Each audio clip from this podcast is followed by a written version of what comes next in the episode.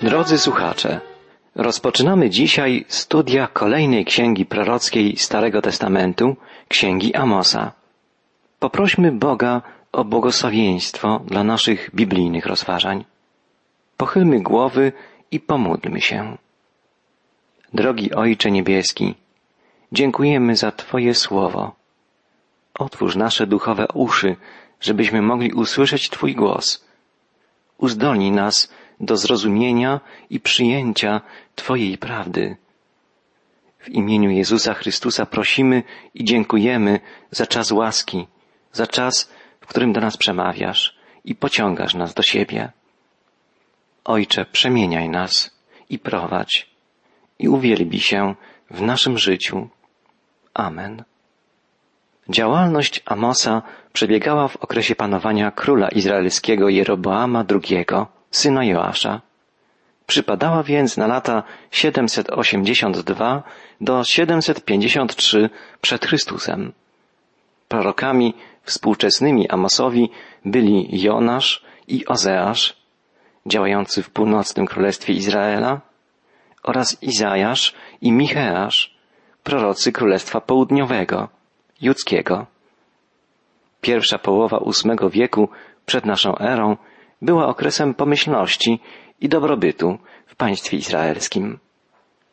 Zamożniejsze rodziny zaczęły prowadzić beztroskie, wystawne życie. Obniżyły się standardy moralne i religijne. Szerzyła się niesprawiedliwość społeczna. Przeciwko tym wszystkim zjawiskom wystąpił prorok Amos. Amos ukazuje Boga jako władcę panującego nad wszystkimi narodami. Czuwa on nad praworządnością, winnych nieposłuszeństwa upomina i karze. Miarą odpowiedzialności każdego narodu jest stopień poznania objawionej mu prawdy Bożej. Stąd prorok zwraca się najbardziej zdecydowanymi wymaganiami, napomnieniami i ostrzeżeniami do swoich rodaków, będących narodem wybranym. Bóg otacza swój lud szczególną przychylnością, ale domaga się od niego prawego postępowania i posłuszeństwa względem objawionej mu woli. Nie zadowala Boga powierzchowne, czysto zewnętrzne sprawowanie kultu, ograniczające się do wypełniania obrzędów religijnych. Prorok Amos w imieniu Pana potępia brak integralności w codziennym życiu Izraelitów, szczególnie jaskrawo widoczny wśród warstw rządzących, zamożnych. Piętnuje hulaszcze, rozrzutne życie, szczególnie wykorzystywanie i uciskanie ludzi ubogich, pozbawionych wszelkich praw i opieki. Nierówności społeczne i związane z nimi nadużycia, niemoralność i brak prawdziwej pobożności to główne problemy wskazywane przez Bożego proroka. Naruszanie sprawiedliwości i wierności wobec Pana i w stosunkach międzyludzkich sprowadzi na Izraela surową karę. Prorok zwiastuje nadejście Bożego Sądu nad narodem otumanionym materialnym dostatkiem, pogrążonym w niemoralności i pijaństwie, zapominającym o swym Panu i o Jego prawdzie. Amos zapowiada, że z nadchodzącej zagłady ocaleje jedynie niewielka reszta. Pozorny okres rozkwitu zarządów Jeroboama II jest w rzeczywistości czasem danym narodowi wybranemu na upamiętanie się, na powrót do Boga, Stwórcy i Zbawiciela. Amos pochodził z judzkiego miasta Tekoa, gdzie był pasterzem. Dowiadujemy się o tym ze wstępnych słów księgi. Czytamy, że był jednym z pasterzy z Tekoa za dni Uzjasza, króla Judy, i za dni Jeroboama, syna Joasza, króla Izraela. Na tronie w Jerozolimie zasiadał wtedy potomek Dawida Uzjasz, a władzę w północnym Izraelu sprawował Jeroboam. Mimo swego judzkiego pochodzenia, Amos jako prorok działał wyłącznie na terenie północnego państwa izraelskiego, a zwłaszcza w Betel, gdzie znajdowało się centrum bałwochwalczego kultu Baala. Bóg powołał zwykłego pasterza, pochodzącego z Tekoa, małej miejscowości leżącej w pobliżu Jerozolimy, by przekazał ostrzeżenia i napomnienia północnym plemionom izraelskim, oddającym się od Pana i od Jego prawdy. Niektórzy komentatorzy nazywają Amosa wiejskim kaznodzieją, powołanym i wysłanym przez Boga, by ogłaszał jego wyroki w wielkim mieście. Rodzinne miasteczko Amosa, Tekoa, leżało w górzystej okolicy, skąd rozciągał się widok na rozległe tereny pustynne, sięgające Morza Martwego. Dzisiaj tamtędy prowadzi autostrada biegnąca między innymi przez Betlejem i Hebron. Ale wtedy, w ósmym wieku przed Chrystusem, były to tereny niedostępne. Stanowiły królestwo dzikich zwierząt.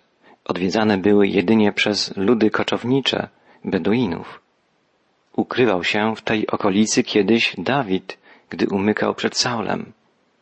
Druga księga Samuela w rozdziale czternastym wspomina, że kobieta pochodząca z Tekoa przyniosła Dawidowi, gdy był już królem, ważną wiadomość. Jest to jedyna wzmianka o małej miejscowości Tekoa w Starym Testamencie poza księgą Amosa.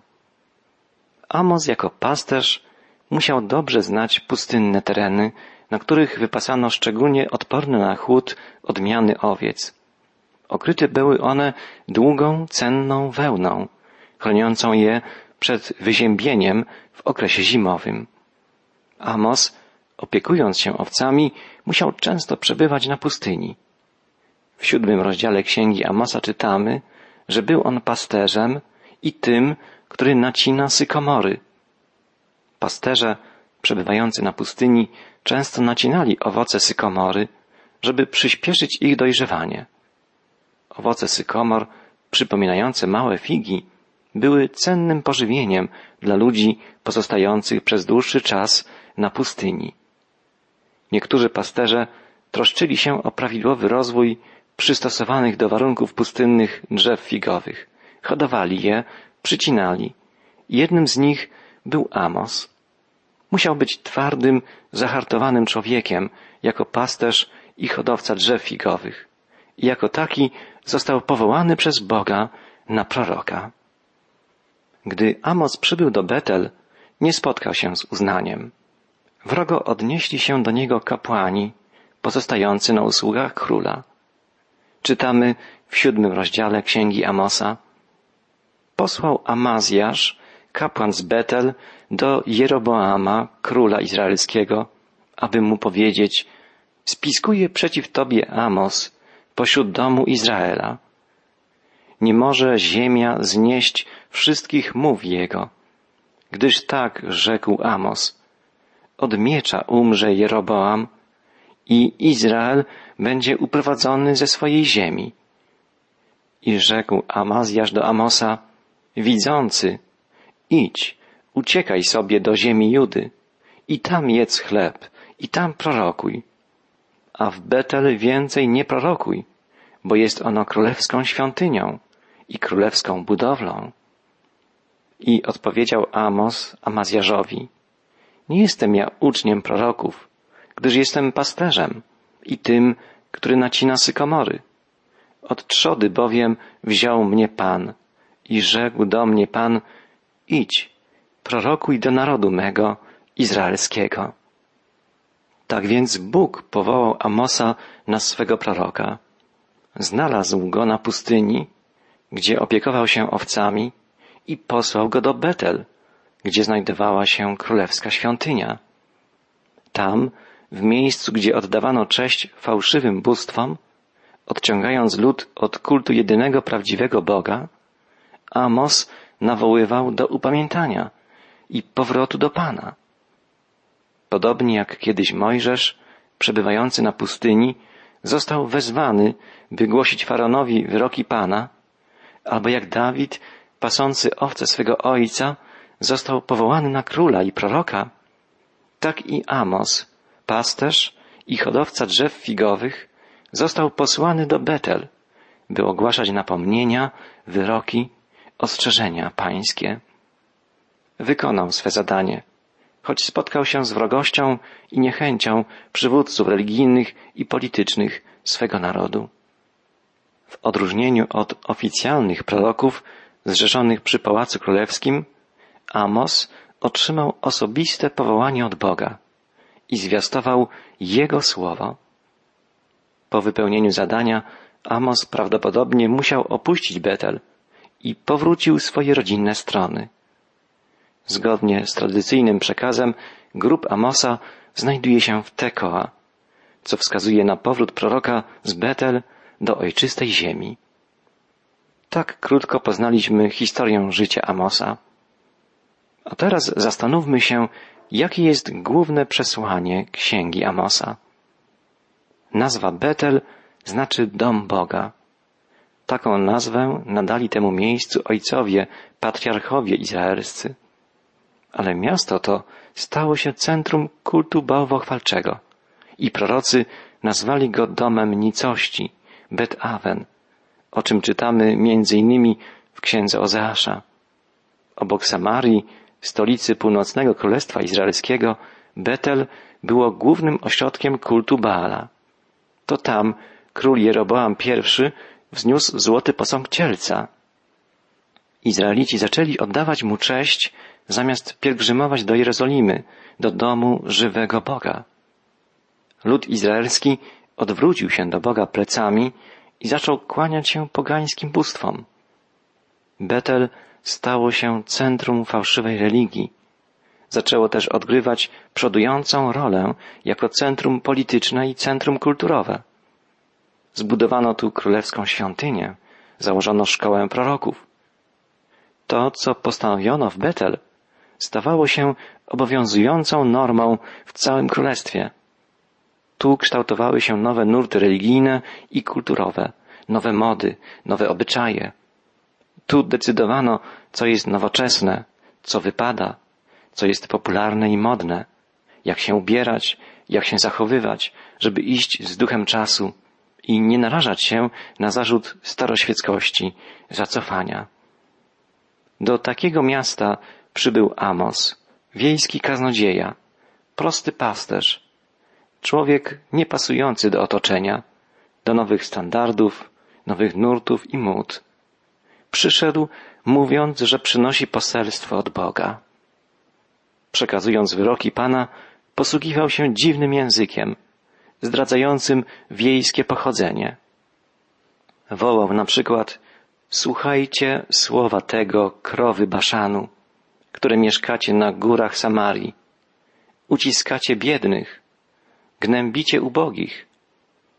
Albo czy konie pędzą po skałach, czy tam się orze wołami, że zamieniacie sprawiedliwość na truciznę, a owoc prawości na piołun?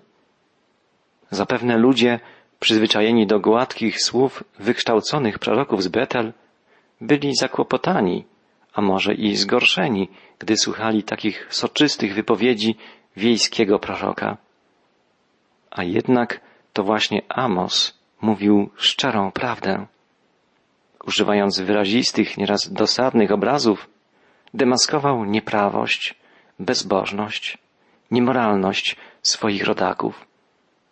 Dzisiaj nie są nam znane wypowiedzi wykształconych, ale fałszywych proroków z Betel. Znamy natomiast i studiujemy proroctwa Amosa. Dlatego, że Amos zwiastował poselstwo objawione mu przez Boga. Niektórzy spośród mieszkańców Betel dosłyszeli w słowach Amosa prawdę, byli poruszeni do głębi i zwrócili się ku Bogu. Ale większość była nieczuła na głos Bożego proroka. Zbyt daleko odeszli od Pana. Zbyt głęboko pogrążyli się w bezprawiu i bałwochwalstwie. Odrzucili poselstwo Amosa, wystąpili przeciwko niemu. Na ich czele stanął kapłan Amazjasz, który wysłał królowi Jeroboamowi wiadomość Amos spiskuje przeciwko tobie. Gdyż tak rzekł Amos, od miecza umrze Jeroboam i Izrael będzie uprowadzony ze swojej ziemi. Czy Amos rzeczywiście wypowiedział takie słowa? Nie. Prorok zapowiedział w imieniu Pana, świątynie Izraela będą zniszczone. Wystąpię z mieczem przeciw domowi Jeroboama. Proroctwo Amosa było prawdziwe. Od miecza zginął wnuk Jeroboama, co zakończyło panowanie tej dynastii w Izraelu. Natomiast kapłan Amazjasz zniekształcił wypowiedź proroka. Owszem, była mowa o mieczu i o domu, czyli rodzie Jeroboama, ale nie o uśmierceniu mieczem samego króla, Jeroboama II. Amazjasz przekręcił słowa Amosa, żeby nastawić przeciwko niemu panującego króla. Prawda została zniekształcona. Była to brzydka manipulacja, która spowodowała, że Boże ostrzeżenie nie dotarło do króla izraelskiego.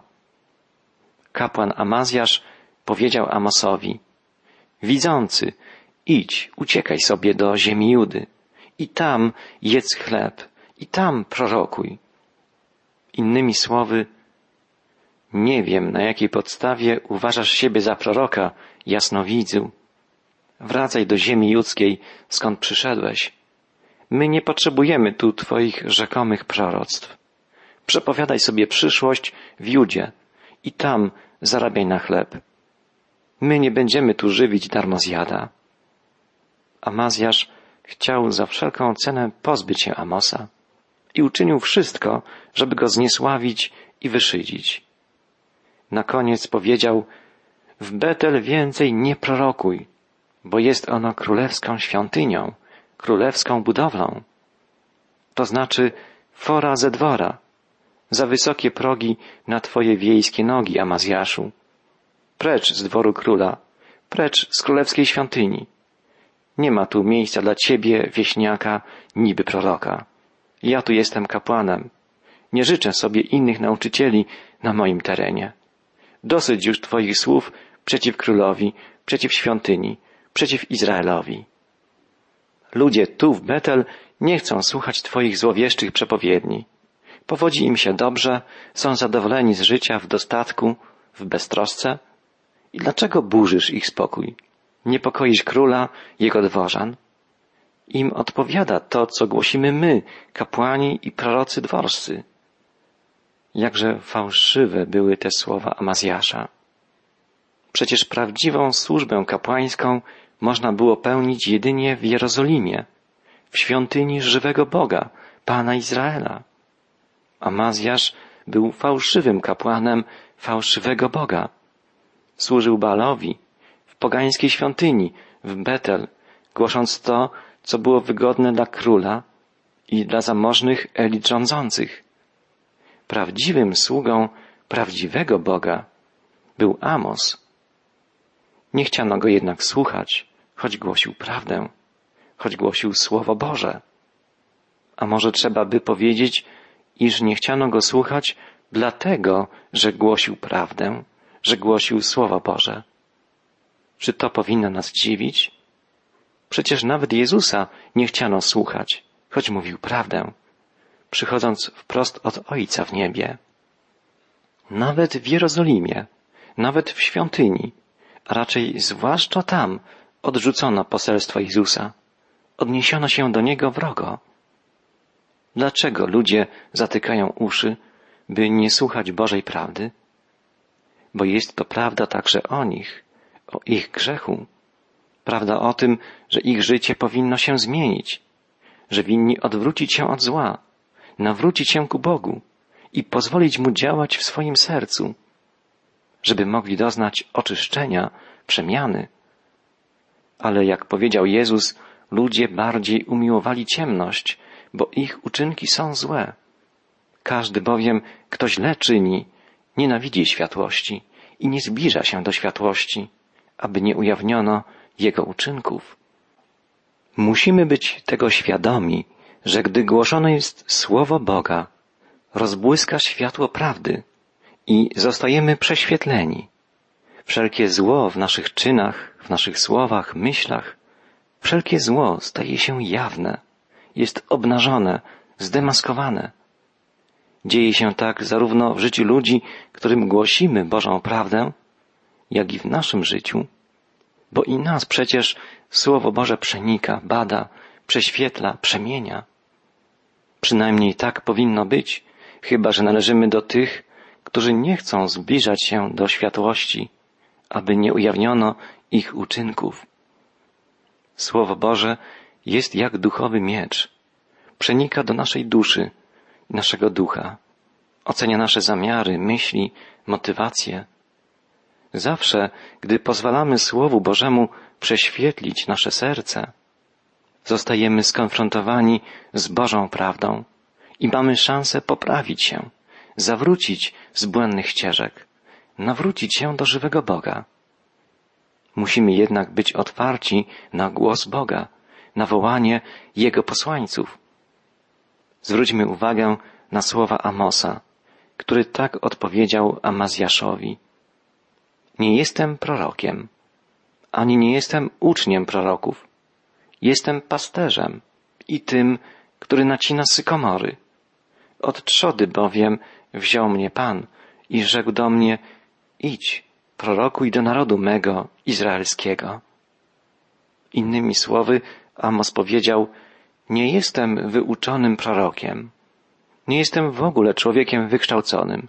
Jestem zwykłym pasterzem. Ale mnie, prostego człowieka, Bóg powołał do swojej służby i polecił rozgłaszać Jego słowo. Ja nie zwiastuję własnej mądrości, własnych przemyśleń, zwiastuję Bożą prawdę. Słowo objawione mi przez żywego Boga. To było jedyne źródło autorytetu Amosa. Został powołany przez Boga na proroka. Stał się ustami Pana. Przekazywał myśli, wyroki, pouczenia pańskie. Podobnie było z apostołami. Chrystus powołał na swych uczniów większości ludzi prostych, niewykształconych, ale powołał ich i przygotował do służby pańskiej, objawił im Słowo Boże, namaścił Duchem Świętym. Przekazali nam oni Jego mądrość, Jego prawdę. Nawet apostoł Paweł, człowiek niezwykle mądry i starannie wykształcony, napisał Nie przyszedłem do was, bracia, z wyniosłością mowy lub mądrości. Uznałem bowiem za właściwe nic innego nie umieć między wami, jak tylko Jezusa Chrystusa i to ukrzyżowanego. Mowa moja i zwiastowanie moje nie były głoszone w przekonujących słowach mądrości, lecz objawiały się w nich duch i moc, aby wiara wasza nie opierała się na mądrości ludzkiej, lecz na mocy Bożej. Te słowa apostoła narodów w pełni oddają także postawę proroka Amosa. Nie głosił on ludzkiej mądrości, lecz prawdę Bożą. Został powołany przez Boga na proroka i przekazywał wyłącznie to, co wypływało z woli Pana. Ostrzegał lud izraelski przed Bożą karą, przed nadchodzącym Bożym sądem. Izraelici grzeszyli, popadali w bałwochwalstwo, niemoralność, nie wypełniali woli Boga, łamali Jego przykazania. Możni wykorzystywali ubogich, szerzyła się niesprawiedliwość społeczna, narastał formalizm religijny, brakowało prawości, uczciwości, pobożności. To wszystko zostało napiętnowane przez Bożego proroka. Jego poselstwo nie było popularne, nie było przyjemne. Przyszedł, by ogłosić, że Bóg ukaże grzech swego ludu. To ostrzeżenie skierowane jest także do nas. Nie zapominajmy nigdy, że święty Bóg rozprawi się z wszelkim złem.